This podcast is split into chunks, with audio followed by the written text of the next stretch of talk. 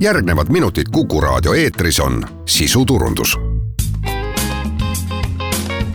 kindlustusminutid. kindlustusminutite saate toob kuulajateni Ergo tere, head Kuku kuulajad, eetris saade, millel nimeks Kindlustusminutid. mina olen Annika Õunap ja minuga on stuudios Ergo ravikindlustuse riskijuht Jaanika Lüüslik. tere, Jaanika! tere! no nii, nagu teie ametinimetus ju reedab, siis me räägime täna sellisest kindlustusest nagu ravikindlustus, kuid mitte sellisest, mida pakub lastele, töötavatele inimestele ja pensionäridele Haigekassa neid kindlustuse tüüpe ja, ja võimalusi on nii palju, et äh, minu jaoks oli näiteks täiesti uudne mõiste vabatahtlik ravikindlustus võib-olla sellepärast ka, et äh, mul on alati olnud see Haigekassa poolne ravikindlustus olemas ja mul ei ole olnud vajadust midagi muud endale otsida. mis on nende kahe kindlustuse erinevus, et miks on üleüldse loodud selline vabatahtlik ravikindlustus, kellele mõeldes? Kõige olulisem võib-olla ongi seda vaadelda iseenda aspektist, et mõnel inimesel see vajadus on suurem selle vabatahtliku kindlustuse järgi, sellepärast et ta kasutab tasulisi raviteenuseid ja seda põhjusel, et ta ei saa võimalikult kiiresti arsti juurde. et paraku ähm, Haigekassa süsteem on solidaarne ja ressurss on seal piiratud ja paraku võib olla selliseid juhtumeid, kus inimene oma murega ja tervisehädaga ei saa nii kiiresti arsti arsti juurde, kui ta soovib. ja vot vabatahtlik kindlustus, selle eesmärk ongi just äh, parandada nii-öelda neid kitsaskohti, mis on täna Haigekassa süsteemis. ehk siis vabatahtlik kindlustus ei ole mm, Eesti turul mõeldud Haigekassa süsteemi asendamaks. Ähm, teatud juhtudel ta võib seda teha, küll lühiajaliselt võib-olla, aga eelkõige selle eesmärk on ikkagi parandada neid väikseid kitsaskohti, mis täna Haigekassa süsteemis meil on. pikad ravijärjekorrad, omavastutus ehk siis see omaosalus, mida patsient tavaliselt ise peab kandma, see rahasumma, mis ta peab raviteenuse eest ise maksma, on siis see, mida saab katta vabatahtliku ravikindlustuse tootega. kui ma nüüd ähm, süüvisin sellesse ravikindlustuse tüüpi ja hakkasin ka mõtlema sellele, et äh, mida meile pakub Haigekassa, mida ta ei paku, millised on võimalused, millised ei ole võimalused ja, ja mul esimese asjana tuli pähe ka selline asi, et meil on väga palju selliseid ähm, uudiseid viimasel ajal tekkinud, kus tuuakse rahva ette neid unikaalseid ähm, haigusi lastel, täiskasvanutel, no pigem lastel.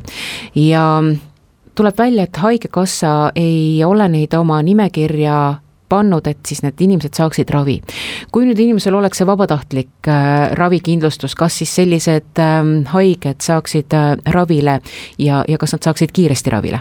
Selliste väga erakordsete haiguste puhul jah, neid on võimalik äh, katta selles mõttes, et äh, vabatahtlikus ravikindlustuses on hästi palju erinevaid kaitseid ja üks kaitse on näiteks kriitilised haigused. Äh, ja kriitilised haigused katavadki just selliseid tõsisemaid haigusid, nende haiguste ravi, ravimeid, lisaks igasugust taastusravi, mis on võib-olla mõne raske haigusega seotud, et seda on võimalik katta, aga seda siis teatud tingimustel, et et äh, kriitiliste haiguste nimekiri tavaliselt vabatahtlikus ravikindlustuses on ammendava loeteluna esitatud ja kui see haigus nüüd on seal nimetatud äh, ja vastab nendele tingimustele, siis äh, jah, vabatahtlik ravikindlustus tuleb siin abiks millised on need teised kitsaskohad veel võib-olla, mis te saate välja tuua, et mida katab näiteks siis see vabatahtlik ravikindlustus siiski, aga meie, meie Haigekassa näiteks äh, ei kata? No peamised kitsaskohad võib-olla oleks kõige lihtsam selgitada lahti just raviteenuste lõikes, et et kus kohas siis inimesed täna seda vabatahtlikku ravikindlustust nii-öelda on kasutanud kõige rohkem. et kõigepealt kindlasti kaitse, mis igat inimest kõnetab, on hambaravi, sellepärast et hambaid ravib igaüks ja tegelikult on see Eestis ka väga kallis teenus, et paljudele isegi uuringute kohaselt jääb see lihtsalt raha tõttu kättesaamatuks. et kui on inimesel suuremad probleemid äh, hammastega ja ta vajab äh, rohkem, keskmisest rohkem raviteenuseid äh, hambaravi osas, siis tegelikult tal tõesti võib jääda see raha taha tihtipeale, see ravi saamine. ja vabatahtlik ravikindlustus on nüüd üha, üha hoogustumas just, just hambaravi osas, et kui tööandjagi näiteks sõlmib oma töötajatele vabatahtliku ravikindlustuse lepingu, siis hambaravi on üks selline kaitse, mis kindlasti kõnetab nii tööandjat kui töötajat. Nüüd ähm, teine teenus, mille puhul vabatahtlik ravikindlustus on äh, näidanud, et tast on kasu ja mida inimesed on üha enam kasutamas, on eriarsti visiidid. et teatavasti Haigekassa kaudu on võimalik kenasti ka pääseda eriarsti vastuvõtule, aga need järjekorrad võivad olla tihtipeale liiga pikad, et kui me võtamegi näiteks kõige no näiteks kui me täna räägime, eks ju, koroonast ja, ja vaimsest tervisest, et vaimne tervis on hästi tugevasti laual ja inimesed peavad saama erinevate stressiolukordadega nüüd äh, uues olukorras hakkama, siis vaimne tervis on selline, kus inimene mm, ise ei saa alati ennast aidata ja siis on väga oluline see õige arstiabi, pöörduda kiiremini siis äh, kas psühholoogi või psühhiaatri poole. ja täna paraku need äh, järjekorrad võivad olla nii pikad, et väga kriitilises seisus tuleb, tuleb natukene pöörduda sinna eraravi poole ja, ja saada kiiremini arstiabi, selle eest paraku inimesel tuleb endal ise maksta.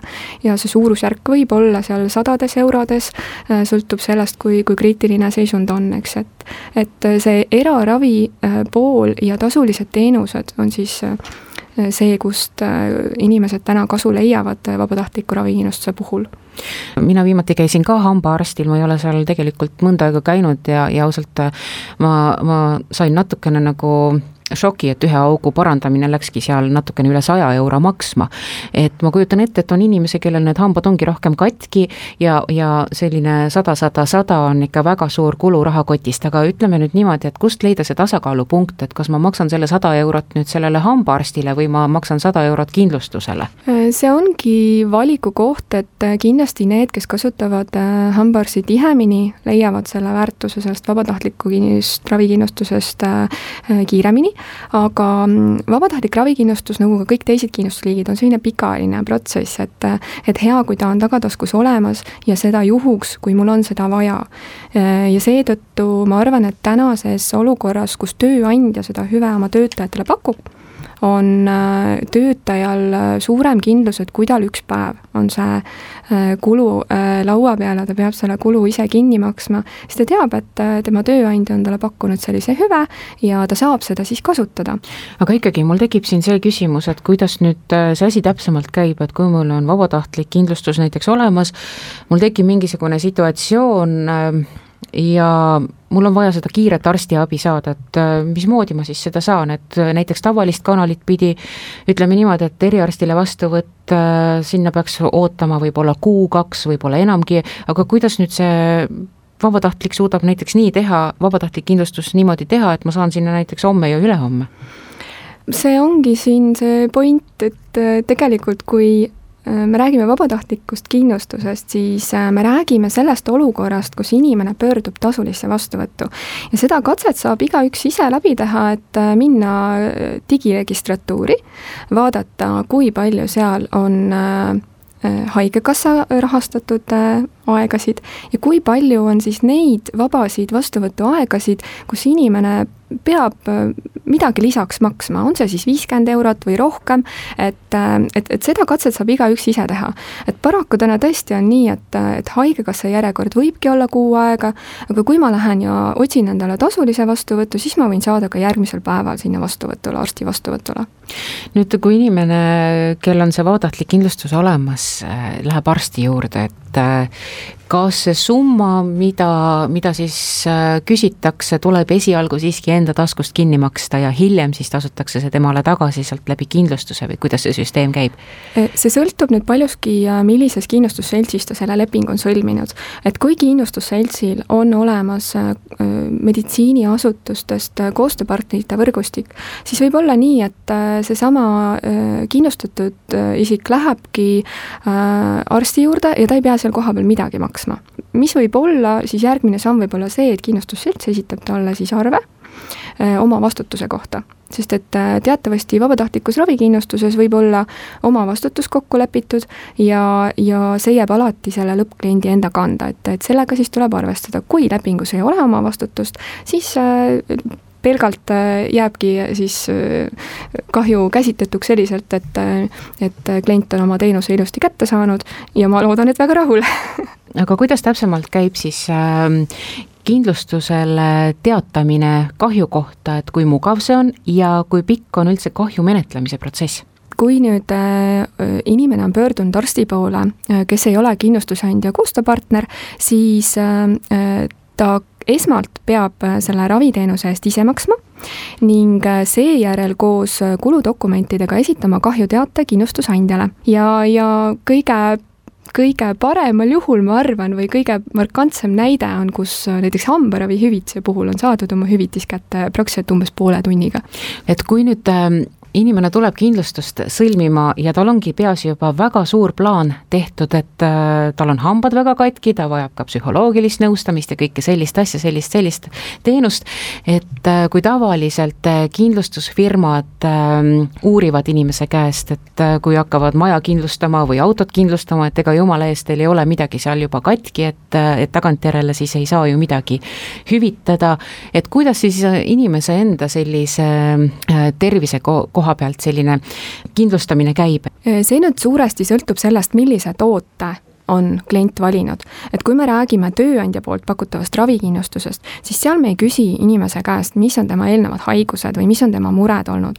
Äh, kui me räägime eraisikule pakutavatest toodetest, siis seal toimub terviseriski hindamine iga kindlustatud isiku kohta eraldi. ja seal me võtame arvesse tema eelnevat terviseseisundit ja tavaliselt äh, eraisikutele pakutavate toodete puhul on kõik eelnevad haigusseisundid ja nende ravid välistatud. ehk siis äh, siin võib tuua paralleeli teiste kindlustusliikide, et kui midagi juba on katki, katki, siis seda enam kindlustada paraku ei saa. aga suured tänud, Jaanika Lüüslik, Ergo ravikindlustuse riskijuht. mina, Annika Õunap, tänan kuulamast. kindlustusminutid. kindlustusminutite saate toob kuulajateni Ergo